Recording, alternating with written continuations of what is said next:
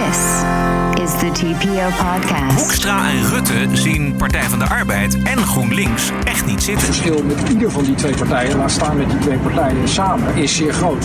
Woke-generatie wil nooit meer D-Day. Would you be down to like completely abolish the military? Uh, yes, please. En Amerikaanse Jeanne d'Arc vecht tegen schoolbesturen. You're recruiting children to hate our police officers. How dare you? Aflevering 258. Ranting and Reason. Bert Bresson, Roderick Phalo. This is the award winning TPO podcast. Aflevering 258. Het is maandagavond 7 juli. Bert weer helemaal terug op het honk. Helemaal eh, hoestend van plezier. En eh, ik ben ook alweer weg eh, uit Zuid-Duitsland. Dus het is weer zeg maar de oude situatie. Wat wij zeggen. Ja, nee, dit is een goed begin met, met de woke hipsters die de, mili- de military willen defunden. Je zou echt wel even die idee herdenken dat je dan mensen krijgt van we moeten het leger afschaffen. Precies. De enige echte antifascisten die we ooit gehad hebben, dat, namelijk, dat waren de jongens, Amerikanen, de Engelsen, die op de, de stranden van Normandië eh, ons kwamen bevrijden. Die mensen wil de woke-generatie eigenlijk niet meer hebben. Er is ook echt geen grote verschil denkbaar dan tussen die mensen die destijds deelnamen aan die landing op, op het strand van Normandië en de jonge mensen nu die nu het leger willen afschaffen. Echt geen grote verschil denkbaar gewoon. Ja, ja. Ja. Bert, Ja. eventjes voor alle duidelijkheid. Jij hebt eh, keurig je paspoort aangevraagd in Madrid. Ja, aangev- aangevraagd. En dat ging allemaal anders- Ja, nou, het kost de nodige moeite. Ik, eh, het is eh, echt een typisch, het is, een typisch staaltje van, van, van Nederlandse gestaalde totaalbureaucratie. Ja. Tot en met het punt waar je komt dan gewoon die ambassade. Dat is echt wel grappig. In, in, Madrid heb je heel veel ambassades, want het is een, de hoofdstad van Spanje. En al die ambassades zitten in statige monumentale panden in de binnenstad.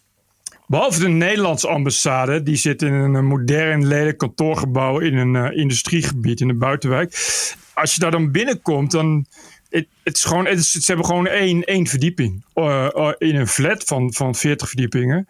Eh, en het is, het, het is, je komt daar binnen en je hebt dan het idee dat je rechtstreeks de jaren 80 binnenstapt. Weet je? Oh ja? Maar je moet dus praten met een medewerker. Ja, er zit gewoon een, een raam tussen met van die gaatjes erin. Wat je vroeger in, in, eh, op, bij de NS had, in het postkantoor. Weet Oh ja. je wel, natuurlijk al lang is afgeschaft omdat je normaal wil communiceren. En weer dat- heringevoerd vanwege COVID natuurlijk. Nee, dat, maar en dan zonder dat is niet gaatjes. vanwege- nee, dat is niet vanwege COVID. Nee, dat dat is hoe, hoe dat daar gaat. Ja. En dat is, je, en je, je hebt dan echt je van, ja, ah, dit is een beetje wat je, dit is een beetje hoe je ook, hoe je ook denkt dat de, dat de Nederlandse overheid jou ziet. Als een soort, per definitie, een crimineel die je, die je zoveel mogelijk barrières moet opwerpen Ja. om iets voor je te doen. En het is ook verder, er zit iemand eh, eh, achter, achter het bureau met heel veel stempels en paper. Het is echt dat je, dat je, je stapt gewoon, ja, 1980 binnen. En, en, en ja, en die mensen die er werken zijn heel aardig. En die begrijpen ook het probleem. En die zeggen, die zeggen ook van ja, weet je, eh, aan ons ligt het niet. En die mevrouw die vertelde nog van ja, die, want mijn paspoort wordt opgestuurd. Dus je moet hem zelf halen, want dat moet vanwege de paspoortwet. Ja. Omdat je kan hem niet online aanvragen, want je moet vingerafdrukken zetten. En iemand moet controleren of jij dat wel bent en zo. Eh, maar hij wordt wel opgestuurd, wat natuurlijk een risico is. Want dat is het document, dat gaat via eh, courier of een, op een reguliere courierservice. Maar die vrouw die vertelde ook van ja, dat is pas sinds een paar jaar dat die mag worden opgestuurd. En dat is alleen maar te danken omdat wij daar al jarenlang eh, over zeuren bij, bij het ministerie dat dat, eh, dat dat veranderd moet worden. Dat je in elk geval die mensen op zijn minst de kans moet geven dat ze dat paspoort opgestuurd krijgen. Ja, ja, precies. Anders moet je voor- twee keer naar Madrid. Voorheen Ja, oh, moest dus twee keer. En die vrouw is ook van ja, we hebben elk jaar in. Weet je, als het zomer is in Benidorm hebben we 300, 400 mensen. Voor het grootste gedeelte bejaard. die hun paspoort kwijt zijn. Ja.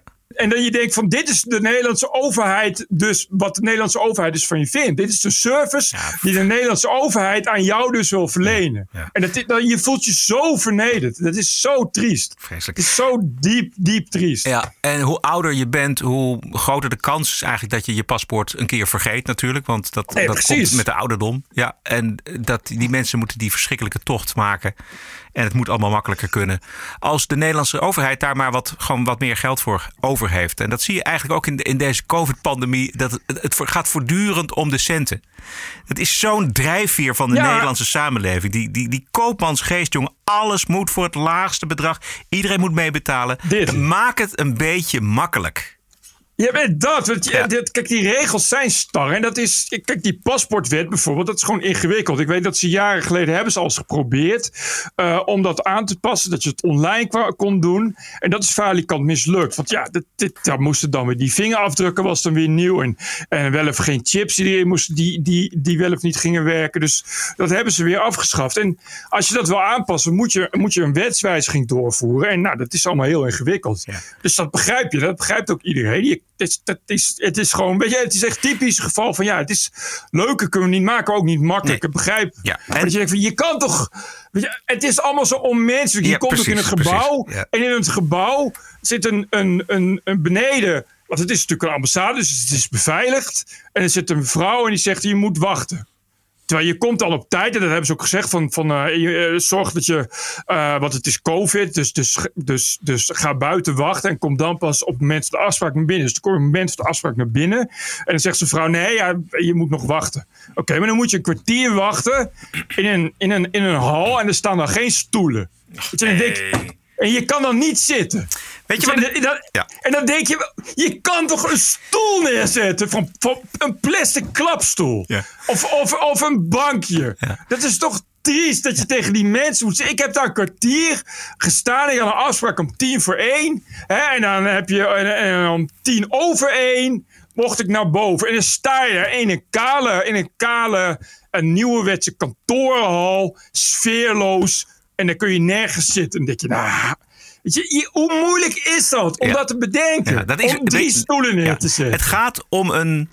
Het is een gedachte. We komen haar zo meteen nog uitgebreider tegen. Maar ik kwam een fantastische quote tegen van een Amerikaanse moeder. die eh, tekeer gaat tegen een schoolbestuur. En zij maakt dat schoolbestuur duidelijk dat zij er voor haar zijn. Weet je wel, zij betaalt de Exact, belastingen en zij werkt voor haar. I don't work for you.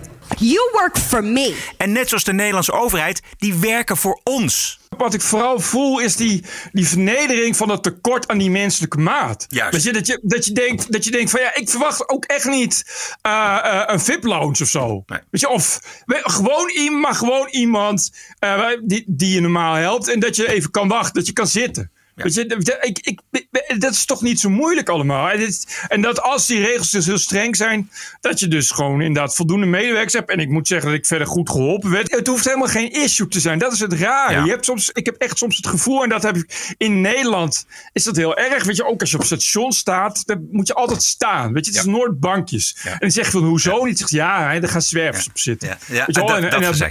Ja. wachtruimtes, die Ja. zijn dan ook weg. Ja, want dan komen de zwervers binnen. Terwijl elk ander willekeurig land, Land, heb je echt kilometers Ja. aan, aan zitruimte. En dat, weet je, en dat is altijd. In Nederland, in de publieke ruimte, voel je altijd een beetje uitgekotst. Ja, en zeker. dan denk je, waarom? Eventjes, eventjes nog naar de, de COVID. Want ik ben eh, de- een week in Zuid-Duitsland geweest. En voordat ik daarheen ging, dacht ik, ik laat ik in ieder geval een negatieve test meenemen. Dus die moest ik gewoon betalen. Dat moet hier in Nederland. Gewoon zelf betalen, 100 piek. En in Duitsland ben ik, eh, even kijken, drie keer naar een testcentrum gegaan. Omdat ze daar eigenlijk in een hotel en overal willen ze gewoon een negatieve test van je zien.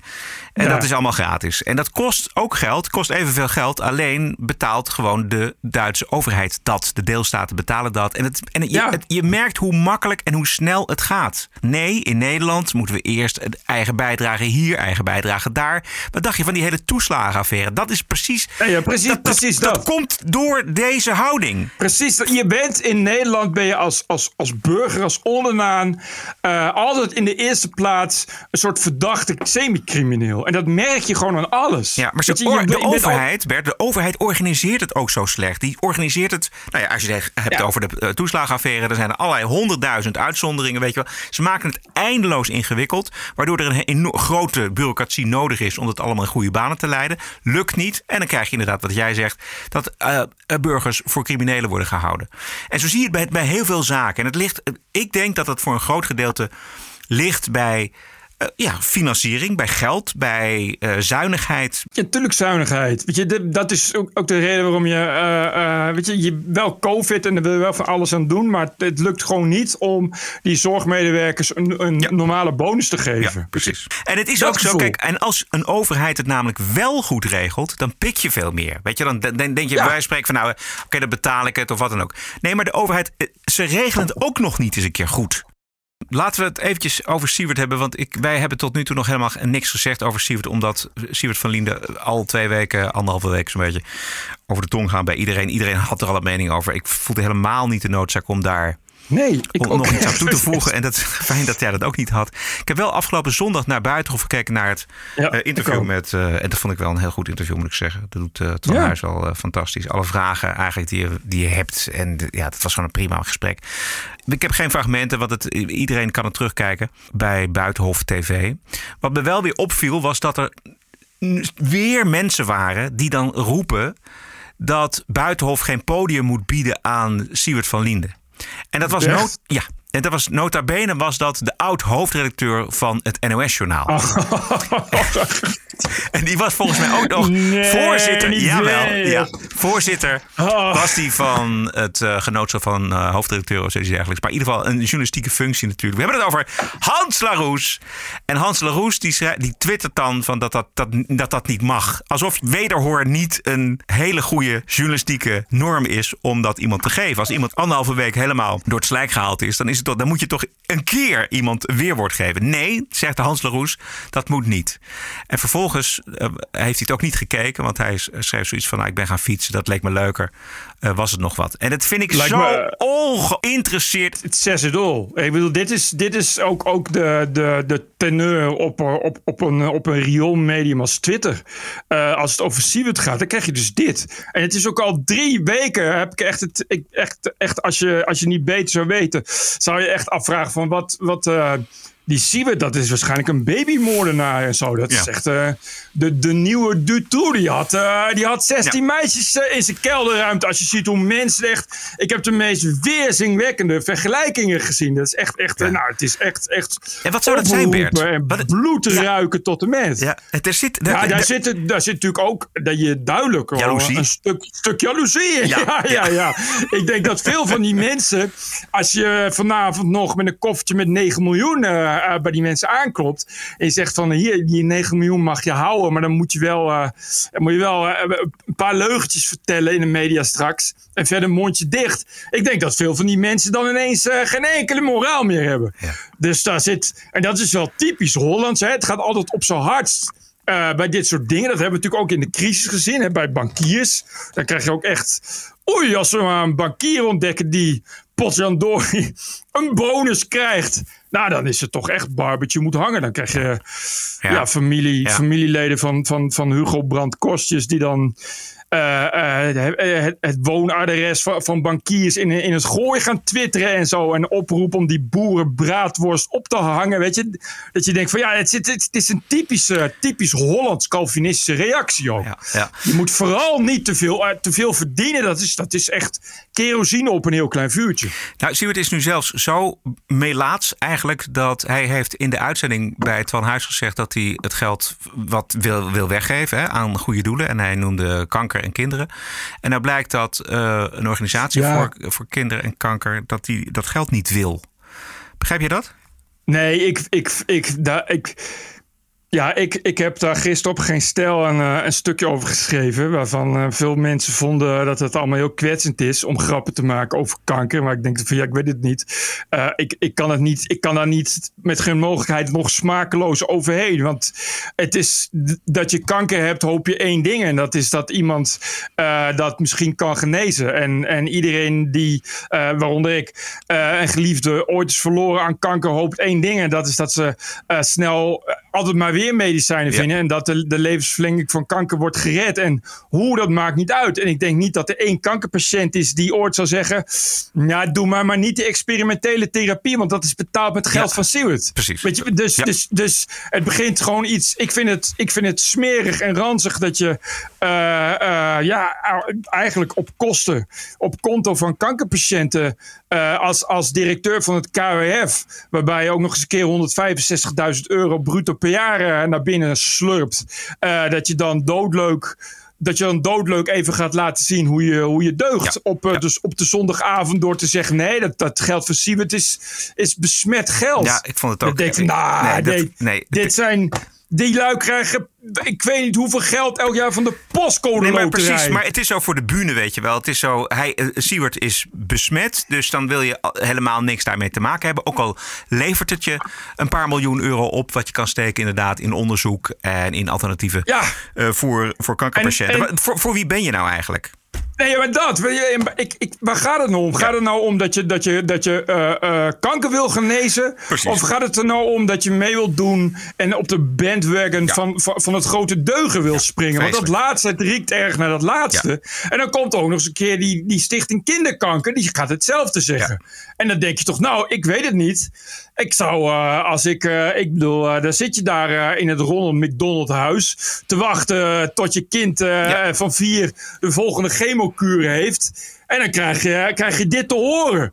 Dat je denkt van oké, dus, dus, dus die stichting die ervoor moet zorgen dat er, dat er straks meer medicijnen zijn, voor, ook voor mijn kind, die zegt van nou ik wil liever geen, eh, geen eh, tonnen of miljoenen van Siewert van Linden. Want we willen graag liever deugen dan dat we uw kind beter maken. Weet je, dat idee is toch, toch, toch de nasmaak die er dan van Ja, krijgt. zeker. En we hadden net besloten, tenminste werd, werd mij duidelijk, dat het om 9 miljoen euro gemeenschapsgeld gaat. Dus dat is gewoon geld dan van ons. Dus waar, Ja, nou, wat, is, wat is dan de reden Nou- om dat te weigeren? Nou, die, die, die, die lui van, van het KWF en van Kika die zeggen... ja, nee, dat is belastinggeld. Siewert kan dat het beste terugstorten. En dan denk ik van, dan maak je wel een hele grote denkfout... als je denkt dat als je terugstort... Dat het dan de overheid het dan beter besteedt. En dat is ook zoiets. Weet je, dan zeg je, oh, nou, die Siewert die heeft dan... maar ik geloof dat het in totaal was het 28 miljoen of zo. Weet je, met, met aftrek van... Of Ja, wat was het? bruto. Ja, ja, zoiets. Hè? Bruto met aftrek Met die twee van... andere gasten, ja. Met die twee andere gasten. Die, oh, nou, dat is belastinggeld. Ik, nou, ik weet het niet. Er gaat eh, eh, meer dan 800 miljoen per jaar naar de NPO. Ik heb wel één aflevering Boer zoekt vrouw kijken. En eh, Je bent die er. 28 miljoen binnen. En een miljoen euro's binnen. Dus ik weet niet waar de ophef dan over gaat. Maar als het daarover gaat, kan ik nog wel wat voorbeelden bedenken. ja. Heel veel mensen staan morgen weer vroeg op om voor een modaal loontje hard te werken. eh, hard te werken. En die zien eh, natuurlijk ook iemand die via een netwerk ergens komt waar zij nooit zullen komen. Eh, en, en voor elkaar krijgt. Ja, wat ze eigenlijk, waar ze zelf ook wel van dromen. Namelijk heel veel gemeenschapgeld gebruiken om daar zelf rijk van te worden. Ja, Ja, iets anders kun je het niet zeggen. Nee. We gaan eh, wat anders doen. TPO Podcast. Kijk even naar eh, vandaag. Want sinds eh, vanmiddag half vier zitten Rutte, Kaag en Hoekstra bij informateur Mariette Hamer. VVD, D66 en CDA zijn eh, toch wel tot de samenwerking veroordeeld. Want anders krijgen we helemaal geen kabinet. Maar eh, die hebben dan toch meer partijen nodig. Ehm, en daar begint eigenlijk de oneenigheid. Ik vind dat er grote zorgen zijn, wat mij betreft, eh, over de middenklasse, over veiligheid, over hoe je het ook goed regelt voor de volgende generatie. En dan is het verschil met ieder van die twee partijen, laat staan met die twee partijen samen, ja, is, is zeer groot. Ja, het is een beetje, was een beetje moeilijk te verstaan, maar dit is eh, de fractieleider van het CDA, Hoekstra. En die heeft het over Partij van de Arbeid en GroenLinks. Wat die, ja, die combinatie ziet hij niet zitten. Eigenlijk al sowieso geen linkse partij ziet hij niet zitten. Ehm, ik geloof dat hij samen met de VVD eh, eh, willen dat de ChristenUnie er weer bij komt. Dus zeg maar het oude verhaal. Goh. En dan heb je 78 zetels en dan heb je een meerderheid, een krappe meerderheid. Maar dat is het dan ook. Ja. Bekend is dat wat, wat eh, D66 wil. Die wil Partij van de Arbeid en GroenLinks erbij. Eh, 90 zetels is dat samen. Maar dat, GroenLinks hoeft er helemaal niet bij. En volgens mij, Bert, is het eigenlijk al beklonken. Want ik zie ook niet echt zitten dat de PVV erbij komt, dat de SP Nee, erbij komt. nee, nee, ook. Forum komt er niet bij. De groep Haga komt er niet bij. De SGP komt er niet bij. Denk komt er niet bij. Ja, 21 Nee, denk dit- ik komt er ook niet bij. Daar gaat D66 voor liggen. Volt is te onervaren en te chaotisch, denk ik. En de Partij voor de Dieren is, maakt ook geen kans. Dus Paars Plus en dan toch zonder GroenLinks. Ja, Zonder nou ja, GroenLinks. het- nee, met sowieso ChristenUnie. Dat is de enige, de enige mogelijkheid. Wel, jij zegt Chris- Chris- ChristenUnie, jij? ja, nee, of, of, of dan PvdA. Maar, maar als dat wegvalt, dan wordt het weer ChristenUnie. Ja. Er zijn enige twee mogelijkheden. Het Ja. is geen wat je zegt. Het is geen, andere, geen enkele andere werkbare situatie. Ook, ook niet in de verte mogelijk. Nee. Dus dat. dat de- eh, ja, ik weet het. Kijk, eh, eh, het is duidelijk dat ja, GroenLinks gaat natuurlijk niet werken. Je hebt, je hebt dan nu al opstandige VVD'ers. Ja, die, die, precies, de- de- dezelfde signalen pik, je op, pik je op binnen het CDA. Ja, En, en, en dan is de vraag, dan is de vraag hoeveel de, de PvdA bereid is om, om GroenLinks een dolk in de rug te duwen. En ik denk dat aangezien de PvdA is alles. Dus dat, dat, dat lijkt me eigenlijk al gelopen koers. Ja, ik denk dat, Ik ik denk denk dat- dat, ja, en ik denk dat ze, dat zal natuurlijk wel zo gaan gebeuren. Ik denk dat eh, ze de Partij van de Arbeid echt wel ietsje meer geven. Weet je wel, een, een staatssecretaris extra. Of Exact. een minister extra. Weet je wel. Die, die worden over de streep getrokken op die manier. Ja, ja, en dan wordt GroenLinks keurig, eh, keurig netjes voor de tram geduwd. Ja. Dat, dat, is, ja, dat is, was precies, precies het risico van poging tot regeringsdeelname. Ja. daar- deelname. Dat wordt dan ook het einde van Jesse Klaver. Ik wil niet al te veel eh, feestvreugde in, eh, in het vooruitzicht stellen. Maar dit, kon wel eens, dit kon wel eens inderdaad allemaal een heel na gaan aflopen voor, voor GroenLinks. Ja, Wat, wat altijd leuk is natuurlijk. Iets dat na afloop van GroenLinks altijd lachen. het is alleen even de vraag. Want er moet wel een nieuw iemand bij eh, voor in de plaats komen. Iemand moet wel in de wandelgangen zich al hebben warm gelopen. Ik zie die niet echt eh, nog. Bij GroenLinks? Bij GroenLinks, jij wel? Nou, Totar! Ja, nee, dat gaat dan niet. Het is te vroeg. Maar dit, dit zal zeker een keer de fractievoorzitter precies. worden. Maar, Nee, maar dat, dat wordt dus een probleem, ja. ja, het momentum Klaver is wel zo'n beetje voorbij. Ja, dat, als, het, als het nu niks wordt, dan wordt het nooit meer wat. Ja. Het is nu of nooit. En dat Ja. is natuurlijk ook de reden waarom hij daarin stapt. Ja. De- hij heeft niet zoveel, niet zoveel keuzes meer. En ik, ja, het is natuurlijk, natuurlijk een, een, eh, een, een- Daarna is het gewoon een neergang naar de eerstvolgende verkiezing. Dat is wat gemeenteraadsverkiezingen, denk ik. Ja, volgend jaar. Ja, ja dat zal. GroenLinks zal daar wel, behalve in Amsterdam, eh alhoewel. Het zal toch zelf, ja, ik denk dat GroenLinks wel ook, ook, ook gemeentelijk de klappen gaat krijgen. ook. Mensen zijn wel een beetje klaar mee met de windmolens Ja. en de biomassa en zo. Dus, en, eh, dan heeft hij, dan, dus dat zit hij nu ook al aankomen. Dus eh, ik denk niet, hij kan nu nog. Nou ja, hij gaat nu nog proberen natuurlijk in die, in die, in die coalitie te komen. Maar ja, en ik weet ook niet wat je zegt. Kijk, eh, eh, dat, dat verhaal van we doen het alleen samen is natuurlijk verder niks waard. Het is niet dat het zwart op wit staat of zo. Nee. nee. Het is leuk, leuk te verkopen naar de kunt achterban. altijd in het landsbelang zeggen dat we knopen moeten hakken. En dat de Partij van de Arbeid om die reden dan maar zonder GroenLinks zitting in het kabinet neemt. Ja, nou ja. We hebben een hele lange wolkweek. Ehm zullen we daar alvast aan beginnen? Of moeten we nog iets uit het nieuws benoemen wat we belangrijk vinden? Eh, ik, ik, heb, ik heb even niks geloof ik. Ik heb ook een stukje gemist, want ik was in Madrid. Ja, Maar eh, precies. ik geloof niet dat ik heel veel... Of, of nee, ja, ik heb ook niet zoveel gemist. Want ik, ik heb verder wel gewoon mijn stukjes voor geen stijl geschreven. Dus dan kreeg ik gewoon de hele dag al het nieuws mee. Maar ik geloof niet dat er iets was dat Nee. ik dacht van... Oh, dit hadden we nog eh, in de podcast eh, Nee. moeten Nee. behandelen. Dan gaan we woken. Kijken hoe lang de tenen zijn. I was offended and I have rights. TPO Podcast. You're an adult. Grow up. Deal with it. I don't care. care. Sowieso een hele eh, populaire afdeling van de TPO-podcast deze Woke-week. Dit zijn de berichten uit de open inrichting. Mensen, bedrijven, instanties die zich een slag in de ronde deugen... en diep buigen voor de terreur van de identiteitsideologie. Super woke firma Gillette... die moet bij de grote baas Procter Gamble komen... om 8 miljard dollar af te schrijven in het eerste kwartaal. 8 miljard, ja. Bert. En de reden is dat de advertenties waarin de mannelijkheid van mannen het moest ontgelden, die advertenties, het publiek moest daar helemaal niks van weten. Dus die verkoopcijfers die zijn helemaal in elkaar gedonderd. Bullying. The Me Too movement against sexual harassment. masculinity. Is this the best a man can get, making the same old excuses? Boys will be boys. Boys will be boys. Boys will be boys. But something finally changed. Allegations regarding sexual assault and sexual harassment. Because the boys watching today will be the men of tomorrow. En voor het, het vrouwelijke scheerapparaat werd er een, in de advertentie gebruik gemaakt van een obesitasdame. En, ja, en de mannen die mochten gewoon niet meer naar de vrouwen kijken. En die werden eigenlijk allemaal voorgesteld als testosteronbommen. En dat was zo belerend dat eh, de mensen dachten: weet je wat, we gaan gewoon andere scheermesjes kopen. Ja, nee, ik, ik, ik heb het vanaf het begin van gevolgd, maar dat was inderdaad al heel snel ging dat mis. Uh, en er is destijds ook, ook gespind door uh, Gillette. Dat zei ja, maar dat, die is, we hebben, dat was een berekend verlies. Want het ging uh, over, over beleggingen en het was alleen de aandelenwaarde.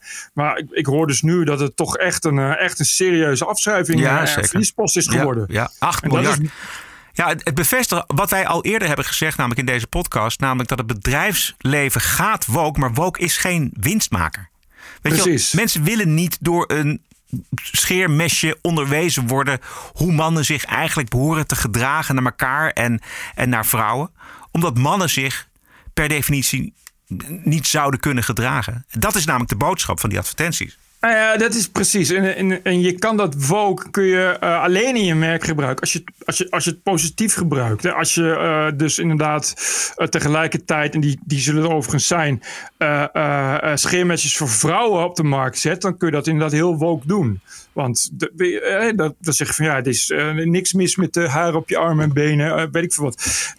Je kan het niet omdraaien. Dan wordt het heel negatief en dan wordt het belerend. En dan zeggen mensen van nou, ik, ik, ik ga maar niet door Gillette laten vertellen hoe, ik, hoe ik man moet zijn. Ja, precies, dat is het. En, en nou, dan ga ik wel naar. Er zijn een hoop concurrenten. Ik bedoel, En eh, Gillette is eh, bepaald niet de goedkoopste. Dus zeggen ze: oké, dan kies ik eieren voor mijn geld. Ja.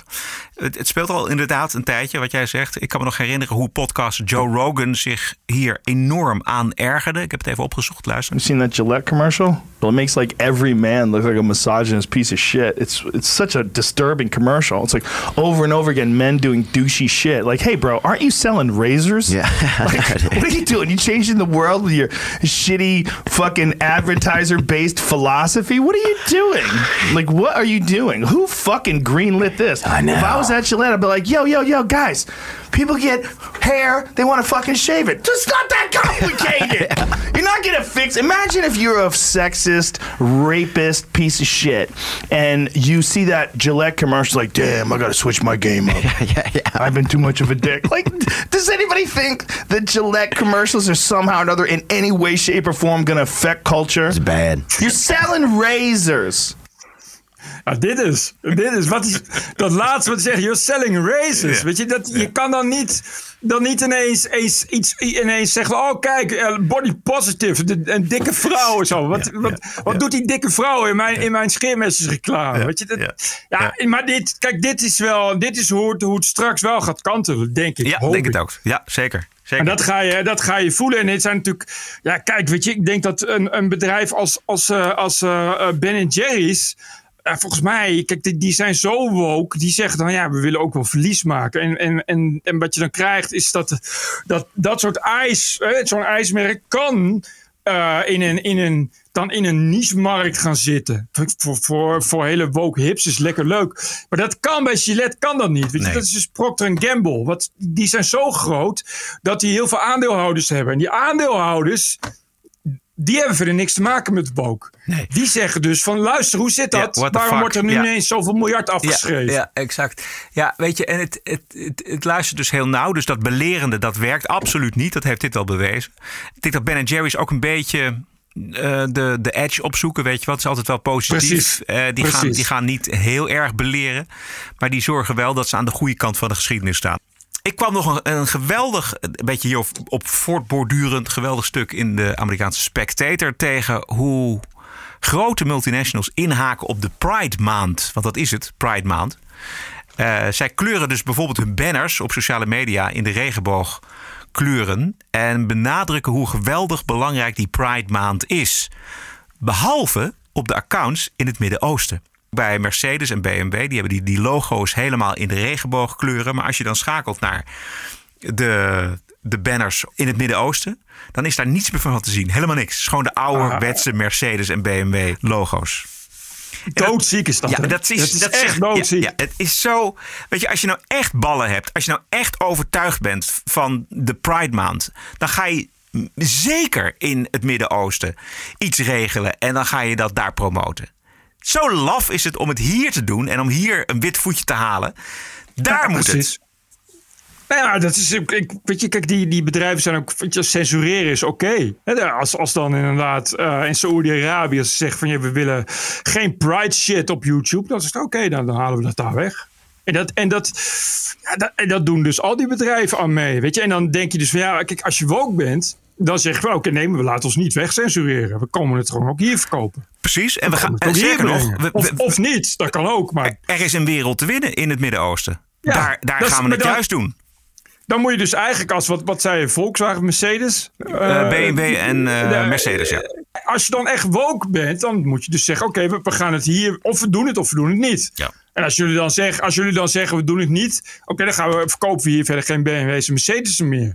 Ja, dat is natuurlijk onmogelijk, want ja, alle rijke sheiks rijden de hele dag door niet in niet anders dan in Mercedes en BMW's. Het Ja. is een belangrijke afzetmarkt voor BMW en Mercedes. En daardoor valt meteen dat hele woke kaarthuis natuurlijk gewoon in elkaar. Ja, helemaal. Ik, weet je, en, dat is, we, hebben het al vaak genoeg gehad over Unilever. En dan krijg je dus eh, een woordvoerder. En van die woordvoerders, we hadden, je- we hadden toen die Nederlandse zeurmevrouw. Maar goed, daarvan zijn er honderdduizend. Weet je, Ja. de, die, dat soort bedrijven geven bijna nog meer geld uit aan woordvoerders en communicatiemedewerkers dan aan, aan hun marketing. Eigenlijk zwart op wit liggen ze hiervoor. Hoe, hoe betrokken iedereen is Ja, ja. bij, bij woke zijn. Hoe betrokken iedereen is bij Pride. En betrokken is bij de regenboogkleuren en bij, bij diversiteit. Ik heb genoeg, maar kwam jij nog wat dingen tegen? Ja, ik heb eh, even kijken. Dit is leuk. Dit is een eh, sollicitatie voor eh, eigenlijk op, op algemenebestuursdienst.nl. Dus het, dit is een soort website voor ambtenaren. Er gaat eh, per eh, 5 juli een nieuw rijksbreed programma gaat van start. En dat heet Cross Coaching. En het logo is een, is een pijl op twee richtingen op in regenboogkleuren. Dat je al even weet welke richting dit opgaat. Eh, de advertentie luidt als volgt. Op 5 juli 2021 gaat het nieuwe rijksbrede cross-coaching programma van start. Een programma speciaal voor ervaren topambtenaren vanaf schaal 15. Eh, mind you, schaal 15 eh, loopt op tot 7096 euro per maand, exclusief overige arbeidsvoorwaarden. Dat je even weet hoeveel geld hier omgaat. En ambitieuze junior medewerkers met een diversiteit aan achtergrond, visies en een functie in schaal 10 tot en met 13. Die willen leren van andere ervaringen en zienswijzen en zich verder willen verdiepen in inclusief werken. Het programma is bedoeld om in hoge mate bij te dragen aan persoonlijke en professionele ontwikkeling voor een meer diverse en inclusievere cultuur in de werkomgeving. Oh man, dat, ik, ik, ik had bijna niet meer horen, want het is zo... Met de bedoeling om te leren, inspireren en te groeien van elkaars perspectief en ervaring. Ah, yeah. Fantastisch. Godsam. Wat een lege termen toch. Eh, het Amerikaanse zakenblad Forbes die komt deze maand met 100 ondernemingen waarvan de eigenaren zwarte zijn. Dus 100 Oh ja. black-owned businesses to support. Daar gaat het om. Dus koop bij zwarte. En binnenkort zal ongetwijfeld volgen koop bij Aziaten. En binnenkort krijg je dan ook koop bij blanken.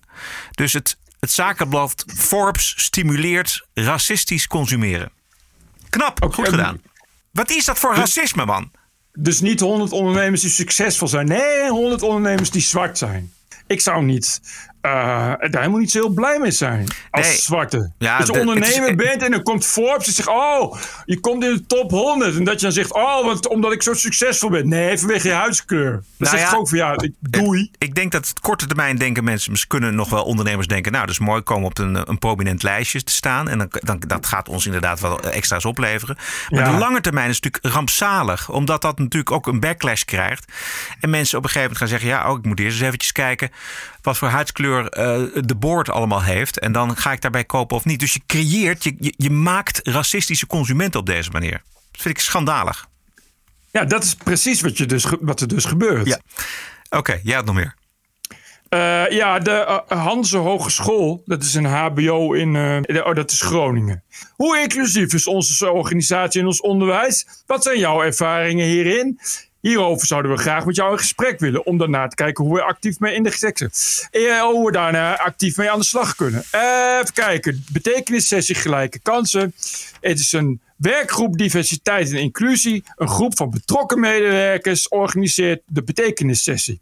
Tijdens deze sessie staat het uitwisselen van ervaringen op het gebied van kansenongelijkheid centraal. Wij zijn ons bewust van de kwetsbaarheid van het onderwerp en doen er alles aan om een veilig klimaat te creëren waarin jij je vrij voelt om te praten.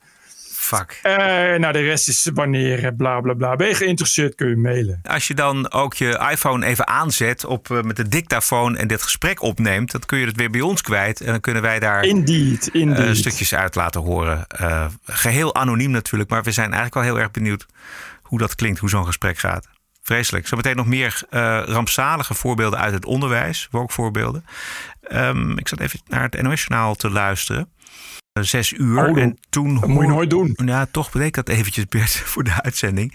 En toen hoorde ik dit. Britten bezorgd, maar hoe gaat het hier met de Indiaanse variant? Ho! Ho, ho, ho. Indiaanse oei, variant. Oei, oei, oei, oei. De Wereldgezondheidsorganisatie gaat varianten van COVID-19 namelijk voortaan een Griekse letter geven. Om te Heel vermijden dat wij de Braziliaanse variant bespreken of de Indiaanse variant. En waarom natuurlijk? Omdat stigmatiserend is. Stigmatiserend, dat is de officiële reden. De Wereldgezondheidsorganisatie, u weet wel, de WHO, de slippendrager van de Chinese Communistische Partij, de organisatie die opdracht heeft om de wereld te behoeden voor pandemies à la COVID-19. Maar ook de slippendrager is van de Communistische Partij van China. En dat zijn twee dingen die niet te combineren zijn. Uh, dus het, voor voortaan heten ze, hebben ze een Griekse letter. En toen dacht ik van, uh, dit is toch eigenlijk niks voor de NOS om dat zo fout nog te zeggen. Hè, op Nee. maandag 7 juni. Dat ze het nog steeds hebben over die Indiaanse variant. Dus toen ben ik toch eventjes verder gaan luisteren. Goedenavond. Gooit de Indiaanse variant van het coronavirus, ook wel de Delta-variant genoemd, roet in het eten van de versoepelingen. Dat vragen ze zich af in Engeland. Daar hadden ze gehoopt dat ze op 21 juni alle coronamaatregelen hadden kunnen afschaffen. Na maanden van dalende cijfers gaat het in Groot-Brittannië weer de verkeerde kant op. Het zou te wijten zijn aan de Delta-variant. Het denkt natuurlijk mee met ja, kijkers die zijn nog niet gewend aan Delta. Maar we gaan het wel invoeren. We gaan luisteren naar de Wereldgezondheidsorganisatie. Die eist dat van ons, dus wij gaan dat doen. Dus geleidelijk gaan we over van de Indiase variant naar de Delta-variant. Dus en over een week dan heeft niemand het bij de NOS meer over de Indiase variant. Heel goed. Nee, dat is, dat is, kijk, die diversiteitsbokaal is, is natuurlijk, eh, die moet, je, die moet blijven die komen. hebben ze niet meer. hè. Ja, maar die hebben ze niet meer. Oh, oh, oh. Nee, die hebben ze. Oh.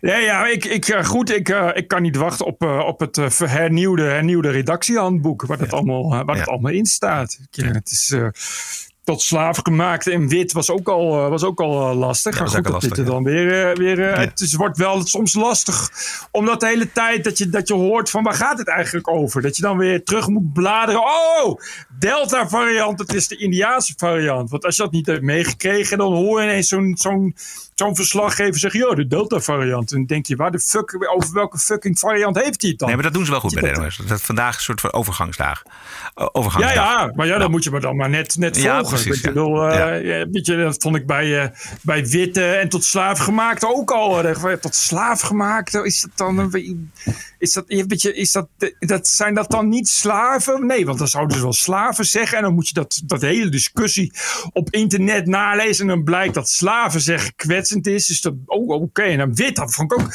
Witte mensen, denk je, is dat, gaat dit over albino's? Of, Ja, ja, of mensen die bang zijn voor huidkanker? Nee, dat is dan weer blank. Oké, maar maar dan weer- mag je geen blanke zeggen. En dan moet je weer helemaal terugzoeken waarom blanke nu weer kwetsend is. Dat je dus elke keer weer... Ja, is, is, is, is gewoon lastig. Worden die mensen die eh, gewerkt hebben aan de stadions in Qatar, worden dat nou ook eh, tot slaafgemaakten genoemd? Of, of helemaal- Nee, dat, dat, eh, dat heet gewoon niet ter zake doende collateral damage. Heb jij er nog één? Ja, ik heb een uh, lange, maar je moet me even, als het lang is, moet je me even monteren. Want het gaat over de, over de Amsterdamse brandweer. Het gaat over Thijs van Lieshout. Dat is uh, de, de nationale brandweercommandant. Mm -hmm. en die had van de week een, een, een interview in de Telegraaf. iemand, iemand stuurt dit in. Goedenavond, heren. Ik ben brandweerman en ik, ik ben vervent luisteraar van jullie podcast. en ik kan niet om het interview met onze nationale brandweercommandant Tijd van Lieshout heen, die deze week in de Telegraaf werd geïnterviewd. Uh, de Telegraaf vraagt aan hem hoe het staat met de diversiteit van het korps. Van Lieshout had daarop kunnen antwoorden met: Nou, het zit uitstekend met de diversiteit, want met name bij vrijwillige brandweerlieden, wat toch 80% van het totaal is, zie je mensen met diverse achtergronden. Uh, sommigen zijn werkzaam in de landbouw, anderen in de commerciële sector, weer anderen in de zorg. Echt een enorme diversiteit aan, aan vrijwilligers. En voor de staat de sollicitatie bij de brandweer open voor iedereen, mits men aan de fysieke en mentale eisen voldoet. Maar ja, het kantoor van brandweercommandant van Lieshout staat in Amsterdam. Dus ja, dan weet je het wel. Dan is diversiteit uh, selectieve diversiteit. En gaat het dus alleen om het kleurtje en het geslacht. Want dit is wat Van Lieshout zei in de Telegraaf. De vraag is dus hoe staat het met de diversiteit van het korps? En zegt Van Lieshout, ja, daar is beroerd mee gesteld. Daar ben ik heel eerlijk in. Want ja, heel lang was het echt een mannenberoep. En het hoeft voor mij echt geen 50-50 uh, vrouw-man te worden. Maar om een voorbeeld te noemen, 6% van onze uh, collega's is vrouw. En ik zie dat gemengde teams met mannen en vrouwen en met mensen met een betere migratieachtergrond veel beter snapt wat er in een stad of dorp uh, gebeurt. We moeten echt met elkaar een stap gaan maken om een betere afspiegeling te zijn uh, van de maatschappij. Uh, nou ja, de mailen nu aan het woord. Ik lees even voor. Jullie oproep pleeg verzet tegen, tegen woke in gedachten heb ik dit artikel en dan met name het antwoord van Van Lieshout gedeeld op een besloten landelijke Facebookpagina van de brandweer. Waarbij ik het volgende schreef. Als Van Lieshout stelt dat hij ziet dat een gemengde groep ras en geslacht beter snapt wat er in de stad of het dorp gebeurt, dan zegt hij daarmee eigenlijk ook dat hij ziet dat een niet gemengde groep minder goed snapt wat er in een hm. stad of het dorp gebeurt. En daarmee zet je volgens mij nogal wat collega's en brandweerteams uh, als inferieur aan de kant. Want een, ja, de, de meeste zijn inderdaad overwegend man en blank van samenstelling. Uh, dat kan, maar dan moet je er wel goede redenen voor hebben. Nou, een deel van de collega's viel over mij heen, omdat ze vonden dat hij dat niet had gezegd. Maar er was ook veel bijval. Dat stemt me dan wel weer positief. En die bijval kwam niet alleen van oud-getone collega's, maar ook van een collega van Molukse afkomst uit een klein Gelders dorpje, die al twintig jaar bij het korps zit en uh, die aangaf dat in hun korps de kleur eigenlijk al twintig jaar volstrekt irrelevant is. Ik heb ook gevraagd van ja, heeft Van Lieshout eigenlijk wel voorbeelden waarmee hij die stelling kan staven? En kan hij aangeven bij welke brandweerinzet uh, of bij welke incidenten dit, dit gebrek aan diversiteit dan van invloed is geweest op de kwaliteit van de brandbestrijding? Want als het zo is, heeft hij een, een zinnig argument. Ja, die voorbeelden kwamen niet.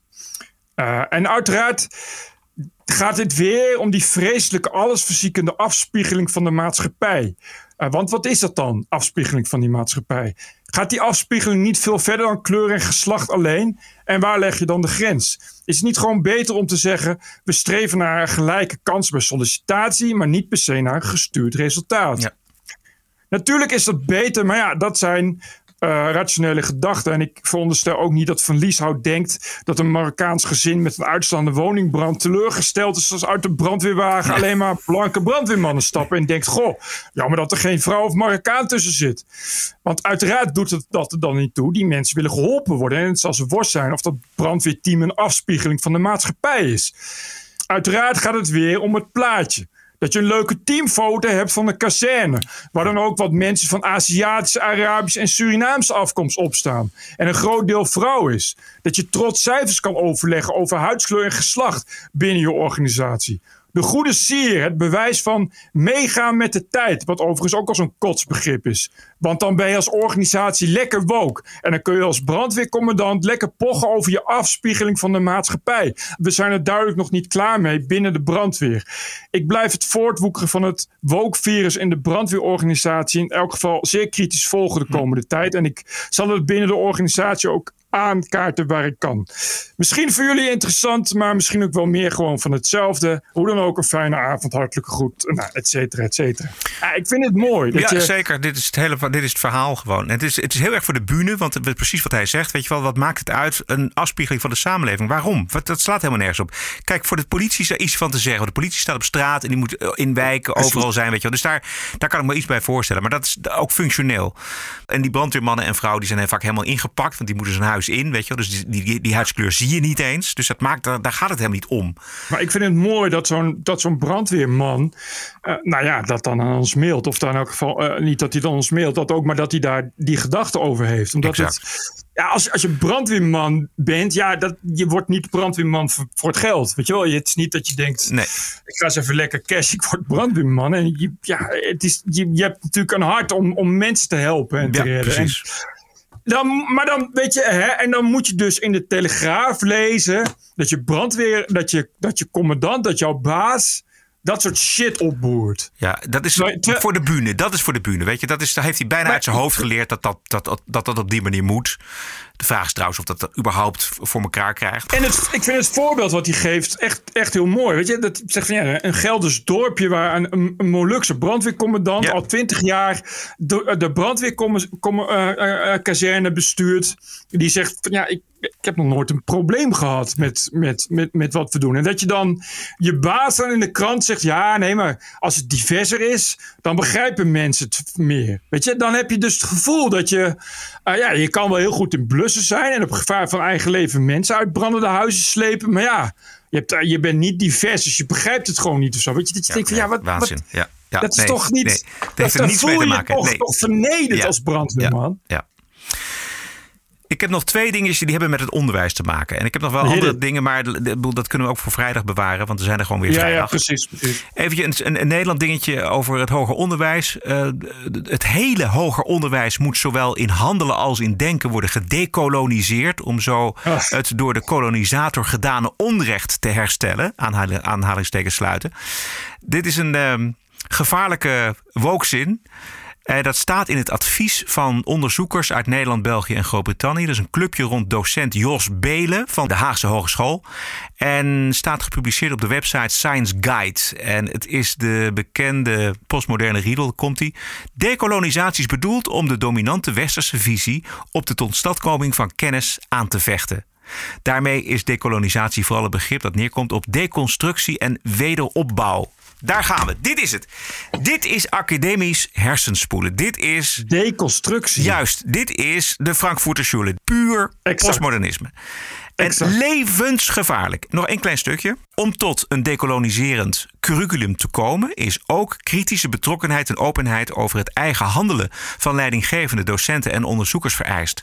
De huidige instelling van academici vormt echter nog vaak een hindernis om tot een werkelijk inclusief decoloniaal en internationaal curriculum te komen.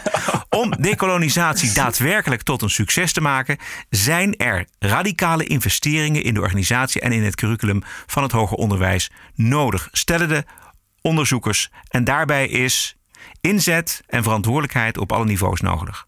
Zo wordt dus ons onderwijs ondermijnd op een ouderwetse manier, namelijk op de postmoderne manier die we in de jaren 70 hebben gezien, de jaren 60. En die is weer helemaal terug. En de brandstof is de woke-beweging. Behoorlijk, ja. En daarop aansluitend heb ik een lang fragment. Maar ik, ik, toen ik het luisterde, ik was, raakte geen seconde verveeld. De mooiste aanval ooit van een ouder op het woke-bestuur in een Amerikaanse school. Ik vind iedere minuut geweldig. Als het te lang is, dan spoel je het maar even door. Hier is de hoop in woke-tijden. My name is Tatiana Ibrahim, and I'm here for the first time. I'm here tonight not only as a community member, but as a parent in this district. Recently, you sent out a survey wanting to know why parents were not voting yes for this budget. My vote for no is a little different. I think the Board of Education and those sitting on the panels are thieves. I think they're liars and have committed treason against our children. My message to this district and the members of the Board of Ed stop indoctrinating our children. Stop teaching our children to hate the police. Stop teaching our children that if they don't agree with the LGBT community, that they're homophobic. You have no idea each child's life. You don't know what their family lifestyle consists of. You don't know the makeup of their, of, their life. You have children like mine who is Muslim and I'm Christian. And everyone would think they would never believe that of her, right? Because the way she looks, or according to Miss Cyrus, she's too pasty white. Ma'am, we're, we're not allowed to use names. If you have something you'd like to discuss about a specific person, you can call the superintendent or leave your info for her to call you tomorrow. Why are we not allowed to discuss names? Why am I not allowed when they purposely themselves expose themselves on social media talking about calling for the death of a former president or saying that any child that doesn't believe in Black Lives Matter should be canceled out? Is this what my tax dollars is paying for? You're t- teaching my children and other children that if they believe in God Almighty, they're part of a cult. These educators put their own names out there. We have Mr. Barry, who took it upon himself with Miss Cyrus to create a curriculum. That should be it. Do you want the proof? I have the proof. You created a curriculum of Black Panther indoctrination. Ma'am. You use taxpayers' dollars. Can I ask you one more time? I, I, I have no issue hearing what you have to say, but. Why, are, why can we not let the public speak? Why can't we let the public know that you're teaching our children to go out and murder our police officers? Do you want the proof? I have the proof. Is that what scares you? The proof? That a parent actually standing up against all of you? Is that what scares you to call out the names of these people? You work for me.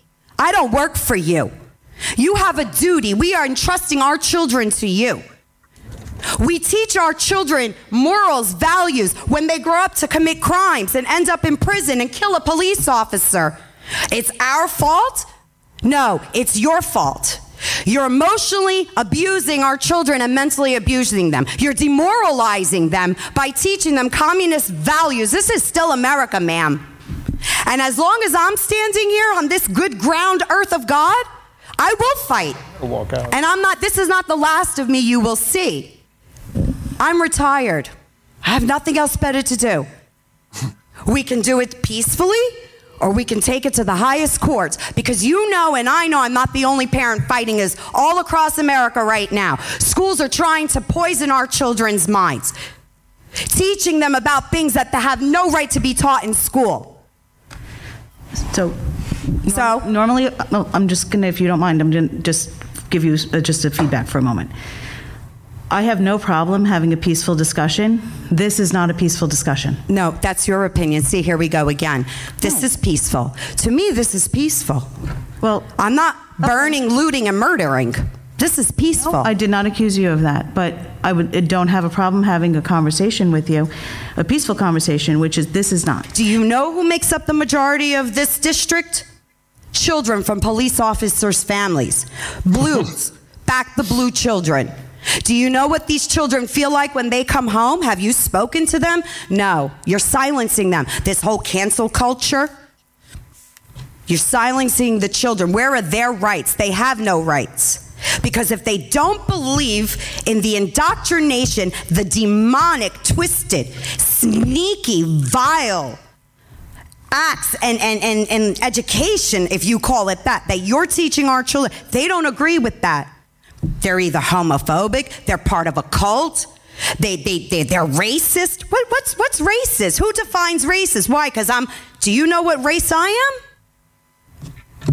Do you? You don't. You don't even have a, an idea. I could be black. I could be white. I could be Asian. You don't know. Who are you to determine that? Who is anyone to determine that? You know what? Children in the school system, children like other children, they don't look at color. Black and chil- black and white children, Hispanic children, you know why they get along? Because they don't look at each other's color. So you're the racist, not them, not us. You're judging and dividing. You're causing segregation. Everything that we fought for, everything that I fought for for years, So you have the right to stand here and tell me I'm not allowed to mention a name when the person, the Mr. Barry and Miss Cyrus themselves, you have ELA teachers giving out uh, assignments on police murder to police are bad? You want the proof? Okay. Because we have it. So- what policy do you have that teachers are not allowed to go on social media and indoctrinate? They took an, an oath, a responsibility, and they're, they're, they're going against everything that they stand for. End. Well, End. I understand. End it? It- I- end it? I have to end it? So Why? I Why? You're on my dollar. Why? well, actually, Why? I, I work for nothing doing this. Oh, you work for nothing. Oh. I do. This is a volunteer position. Number Okay. one. It's number still two- my taxes paying for everything. I- I- I hear this you're podium is every taxpayer's dollar here. Uh, we have rights. We have rights. And, and you're making general assumptions. No, I'm not making assumptions. I'm not. Because you I just- know what I'm speaking about. See? I don't I'm not- agree I'm not with you, gonna so it's an engage- assumption. Well, I'm not going to engage in a back and forth with you about this. So if you would like to make an appointment, I would be happy to sit with the superintendent. I don't. I don't want to. The superintendent, uh, the assistant superintendent, already sent an email and stated that they had no idea that these books were being put on in, in the students' hands. The superintendent already stated that they had no idea that the funds of taxpayers were supporting this. Black Panthers. Do you know Black Panthers is a domestic terrorist group? Do you know they kill cops? I have a problem when you're trying to kill a police officer. I have a big problem with that. I have a problem when teachers are passing out flyers, recruiting children to go to to the courthouse to protest Black Lives Matters. When you have people sitting with with with signs that says all cops are bastards. Really? All cops are bastards? No, I think you people are because the way you're acting and the way you're treating our children and our police officers and making them believe that it's okay to abuse them, I'll be damned if I'm going to sit here and let you do that. You, you. No, I'm. I will become your worst nightmare because I'm going to stand here and keep fighting and fighting and fighting and fighting. Thank. And if not, um, we, I can per- actually go out, get signatures. What happens if we stop paying school taxes? You're going to arrest all the community, the majority of the community.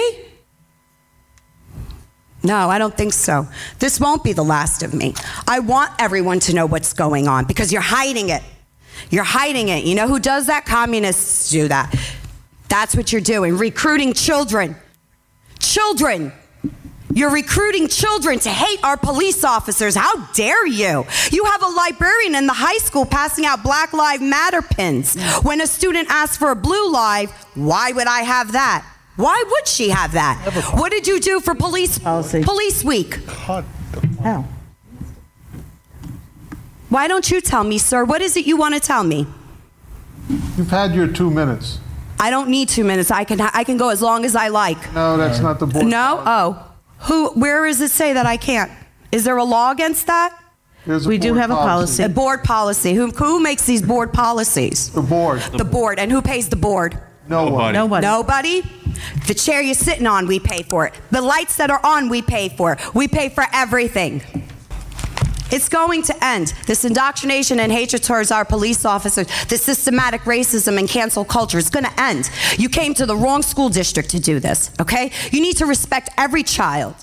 So therefore, no politics should be discussed in school, rather, whether it be conservatism, democratic, liberalism. You gave a, a, a, a survey after the elections. Why? Why did you ask students who they voted for? What did it matter? No answer, huh? You have no answers for me. I, I didn't expect an answer. That's okay, though. We'll get them some way or another. Same way you can't show us where all our money goes, right? God. Yeah, that's what I thought. Thank you. Whoa!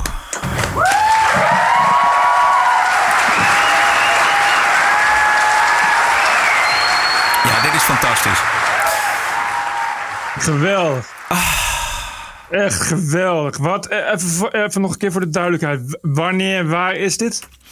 Dit is in New York State, in Carmel, op een school. Eh, ik zal jou de link sturen. Misschien kan jij de link dan eh, uploaden op onze website. Ja, en, en precies, maar zij praat tegen het schoolbestuur. Ja, zij praat. Het, is- een heel klein zaaltje van waar denk ik een man of twintig zitten, allemaal ouders. En zij krijgt het woord en zij vertelt dit tegen de leiding van een school.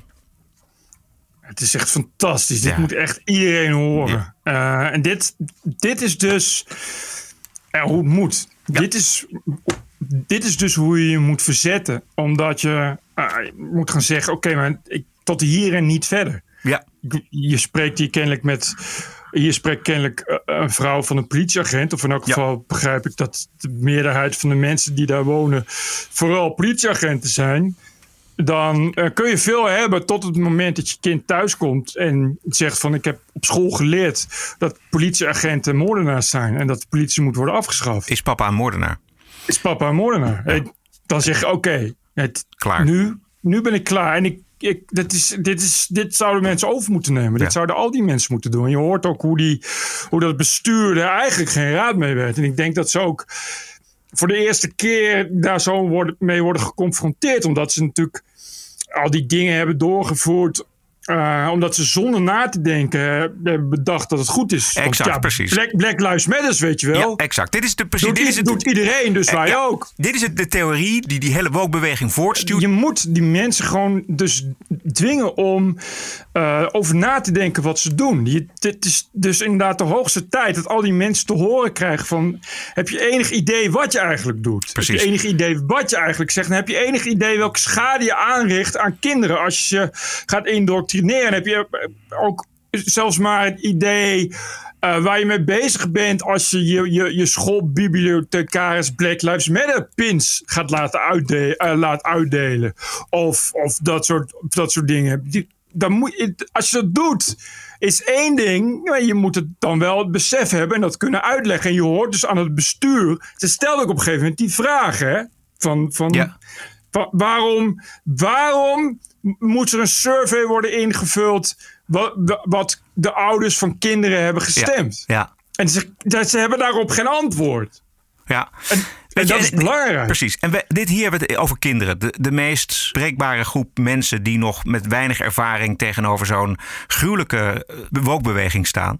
Maar je hebt natuurlijk ook in bedrijven en bij stichtingen en bij eh, instanties, de overheid, heb je allemaal mensen die gewoon, dat zijn gewoon brave burgers. Die weten helemaal niks van woke. En die, en die worden opeens hiermee geconfronteerd. We hebben net een, een brandweerman gehoord. Maar er zitten natuurlijk heel veel mensen die gewoon uit liefde en vrijwilligheid een brandend huis ingaan om mensen te helpen. En zo zitten er in tal van afdelingen bij de overheid mensen verplicht in diversiteits- en inclusietrainingen. Die over zichzelf gaan. En die worden dan een, een, een schuldgevoel aangepraat over slavernij van t- 200, 300 jaar geleden. Het is toch de waanzin ten top waar we mee bezig zijn.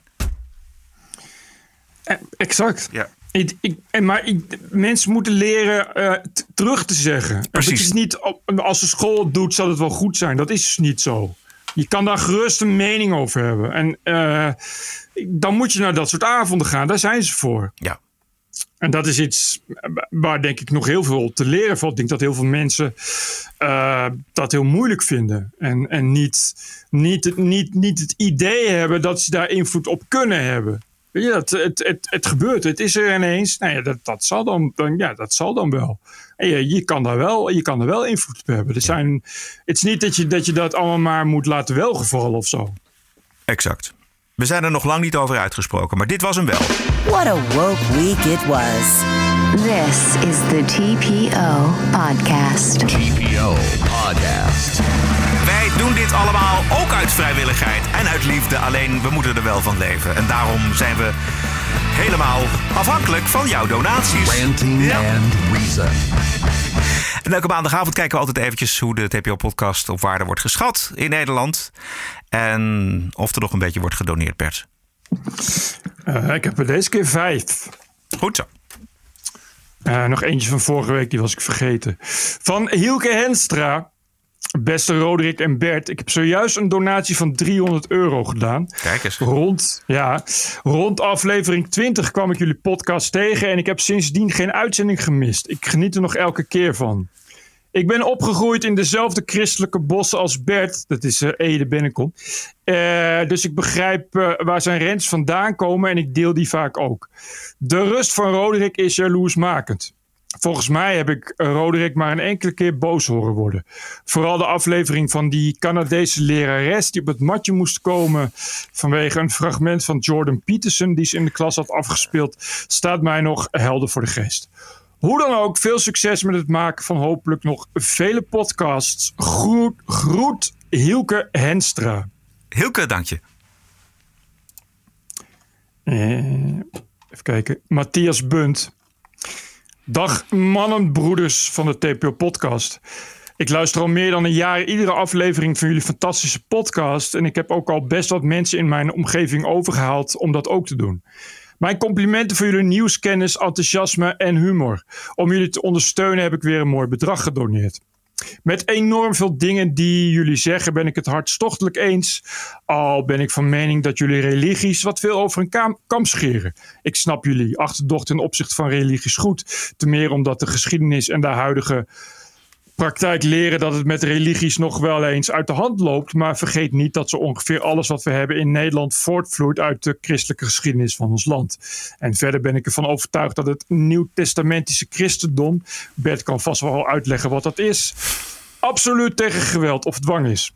Afijn, ik vind het prima om juist mening te horen die dingen anders belichten dan hoe ik er zelf naar kijk. Verder hou ik enorm van jullie humor en cynisme en ik kan het prima hebben als jullie de draak steken met christenen en zo. Ik vind het echt wel vervelend als jullie steeds vloeken. Ik zou het echt enorm waarderen als jullie daar wat meer op willen letten. Ik vind jullie aandacht voor woke helemaal geweldig. Je kan zeggen wat je wilt, maar als reformatorisch christenen hebben we hier gelukkig geen last van. Dat is wel weer een beetje zo. Nou ja, bedankt voor alle mooie afleveringen en ga zo door met gereformeerde groet Matthias Bunt. Eh, even kijken, Matthias Bunt die mailt ook met een e-mailadres eh at clicksafe.nl. En clicksafe.nl is inderdaad in, in Revo-kringen bekende... Ja, dat is zo'n filter, filter eh, ding voor op, je, voor, op je, voor op je internet. Dus het is een, een echte Revo, laten we het zo zeggen. Die, die filtert vloeken bijvoorbeeld? Ja, je ClickSafe kun je dan instellen hè, en dan, eh, dan eh, krijg je geen porno te zien en, Ah, eh, en, en geen vloeken en dat soort dingen. Geen, geen gewelddadige films of zo, ik weet niet. Maar type, het is echt een, echt een, is een, is een, volgens mij is het een soort van internet service provider die er echt op gericht is, zou ik maar zeggen. Oh ja, oké. Dank, zeer veel dank voor de reactie. En de donatie. Ja, of minder gaan vloeken, weet ik niet. Dat is ik dan wel weer, maar verder, verder heel veel dank. Eh, Danny Jonker. Hallo Roderick en Bert. Zojuist heb ik een donatie gedaan van 104 euro. Na jarenlang luisteren was het hier toch wel een keer tijd voor. Bovendien heb ik geld teruggekregen van mijn belastingaangifte. Tip voor de luisteraars: als je dit meteen doet naar de teruggave, dan merk je er niet eens iets van. Voorheen luisterde ik jullie podcast altijd in de auto naar en van het werk, maar sinds corona zit ik fulltime thuis. Nu staan jullie vooral aan tijdens het koken en andere huishoudelijke taakjes. Ja, heel goed. Dat heeft als extra voordeel dat mijn vriendin nu soms ook meeluistert. En vooral tijdens de Wookweek blijft het heerlijk om naar te luisteren. Regelmatig kijken we elkaar zuchtend en neeschuddend aan. We werken allebei in het onderwijs, zij in het basis en ik in het hoger onderwijs. Dus komen regelmatig soortgelijke types tegen op het werk. Door jullie podcast zijn we in ieder geval gewapend en laten we ons niet meevoeren door deze gekte. Heel goed. Be- bedankt voor jullie realistische geluid. Ga vooral zo door en ik zal van die donatie eens een traditie gaan maken.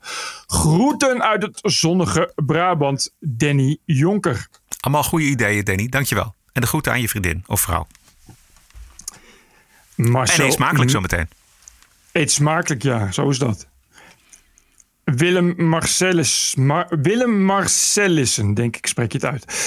Beste Bert en Roderick, ik ben al enige tijd abonnee van TPO Online. Sinds het begin van corona ben ik in een wandelroutine gekomen. En wat is er dan fijner dan twee keer per week een uurtje luisteren naar jullie kritische kijk op de wereld. Het geeft mij de extra motivatie om regelmatig mijn gezonde wandelingen te blijven maken. Aangezien het alweer een jaar geleden is, doe ik mijn donatie van inmiddels 104 euro voor twee keer per week. Keep up the good work, zodat wij kan, ervan kunnen blijven genieten. Dank en succes, Willem Marcellissen. Willem, dankjewel. Goed voorbeeld. En de laatste van Bram Vennegoor. Beste Roderick en Bert. Een jaar geleden werd ik door mijn zwager getipt over deze bijzonder fijne podcast. Ik luister met veel plezier. Jullie zijn scherp en vullen elkaar goed aan. Goed ook dat jullie de woke-terreur aan de kaak stellen. Na een jaar luisteren werd het hoog tijd om te doneren. En hopelijk is mijn donatie goed overgekomen. Ga zo door en heel veel succes en plezier gewenst. Met vriendelijke groet, Bram Vennegoor. Geweldig. Bram en iedereen die gedoneerd heeft, die niet genoemd is. Sommige mensen doen dat gewoon uit eigen beweging. En dan uh, volgt er geen uh, berichtje via het e-mailadres info.tpo.nl. Het mag altijd. Vind het leuk om van uh, onze luisteraars te horen. En wil je ook doneren en waarderen? Dat kan op tpo.nl slash podcast. En ben je een, een, een luisteraar voor het eerst en denkt, wat is dit nou? Dit is de TPO-podcast. Een eigenzinnige kijk op het nieuws en de nieuwsmedia. Twee keer per week, elke dinsdag en elke vrijdag. 100% onafhankelijk, want zonder reclame en zonder een cent subsidie. The award-winning TPO podcast. Wat is het jou waard? Een euro per aflevering, 104 euro per jaar of kies zelf een bedrag. Waardeer en doneer op tpo.nl slash podcast. De TPO-podcast. Wat is het je waard? We hebben nog een bonusquote, maar we gaan toch nog even naar Amerika. TPO Podcast. Ladies and gentlemen, the president-elect of the United States.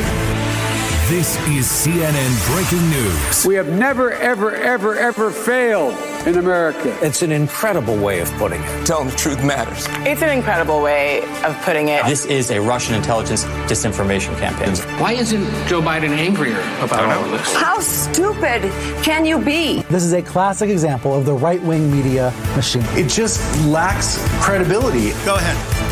Ja, niet echt heel veel Amerikaanse politiek, maar gisteren was het toevallig 77 jaar geleden dat er Amerikaanse soldaten op de stranden van Normandië landden op 6 juni 1944. De echte antifascisten, zullen we maar zeggen.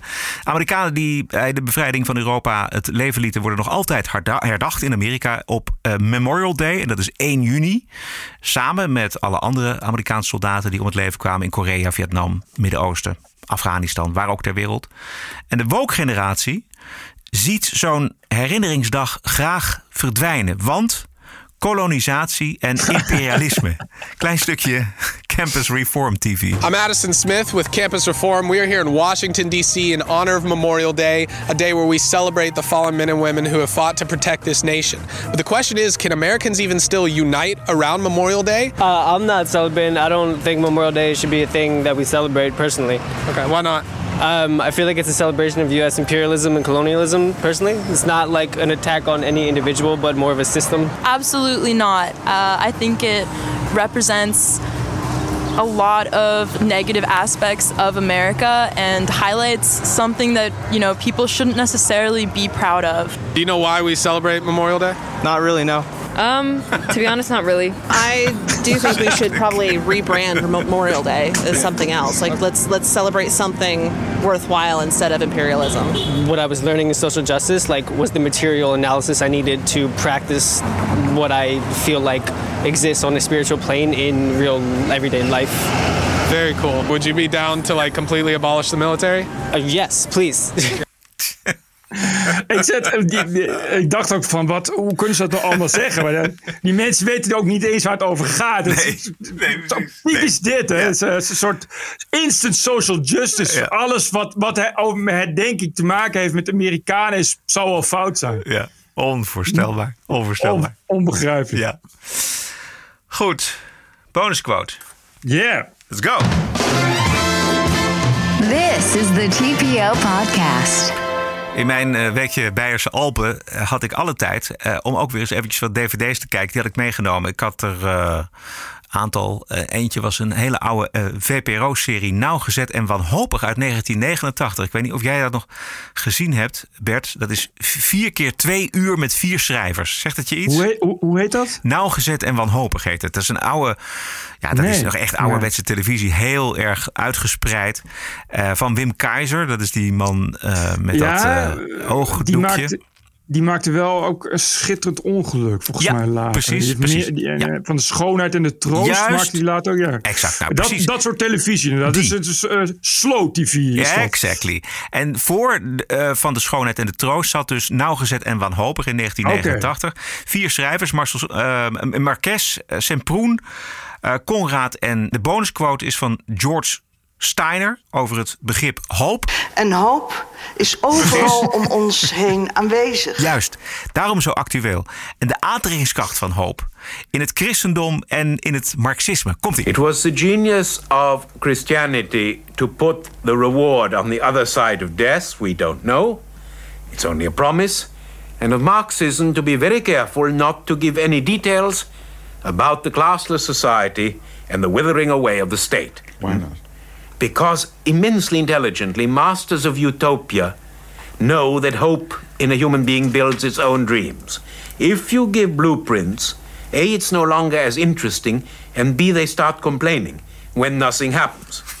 Vind ik zo prachtig. Hè? De Masters of Utopia. Dat is ook waar vandaag de dag gewoon nog GroenLinks mee de boel wegzet. Weet je wel, die, die proberen op die manier stemmen te krijgen. Ja, nee, p- precies. Nou, Masters of Utopia is, is zes dol. Dat is precies wat hoop dus inderdaad Ja, inhoudt. exact, precies. En dat is ook, ik vind het grappig wat hij dan zegt, weet je wel, dat de, de christendom was nog zo slim om de resultaten eh, aan de overkant, zeg maar, aan gene zijde te zetten. Ja, dus na de ja. dood, weet je, dus die- dat valt allemaal niet te controleren. En hoef je ook dus geen bewijs voor te leveren. En bij het marxisme en andere eh, linkse eh, utopische ideeën moet je het vooral vaag houden. Ja, precies. Want, want anders dan eh, levert dat alleen maar teleurstelling op. Ja, dit is, dit is typisch GroenLinks nu inderdaad. Ja. Goed zo. Dit was hem dan. De TPO-podcast is te vinden op onder meer Spotify, Apple Podcast, iTunes, Podcast Index en natuurlijk ook tpo.nl.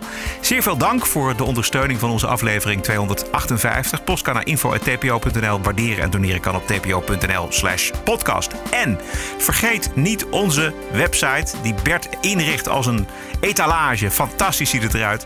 Bert, en het adres is... Eh, www.tpopodcast.nl. Maar eh, eh, jij noemt de hele tijd tpo.nl slash podcast. Dan ga je daar automatisch heen. Dus je kan gewoon... Ik heb hem gewoon doorverwezen. Ah, oké, goed zo. Oh, dat is heel goed. Oké, tpopodcast.nl of tpo, tpo.nl slash podcast. Maakt niet uit. Oké, perfect. Wij zijn terug vrijdag 11 juni. Stay cool en... Tot vrijdag! Tot vrijdag, Bert. Yes, dat was weer goed om samen te zijn, hè? Heel fijn. TPO Podcast. Bert Bruson, Roderick Balo, Ranting and Reason.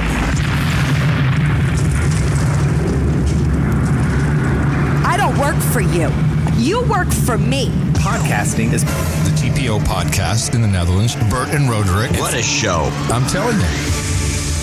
Keep the show running. Go to tpo.nl slash podcast. Thank you.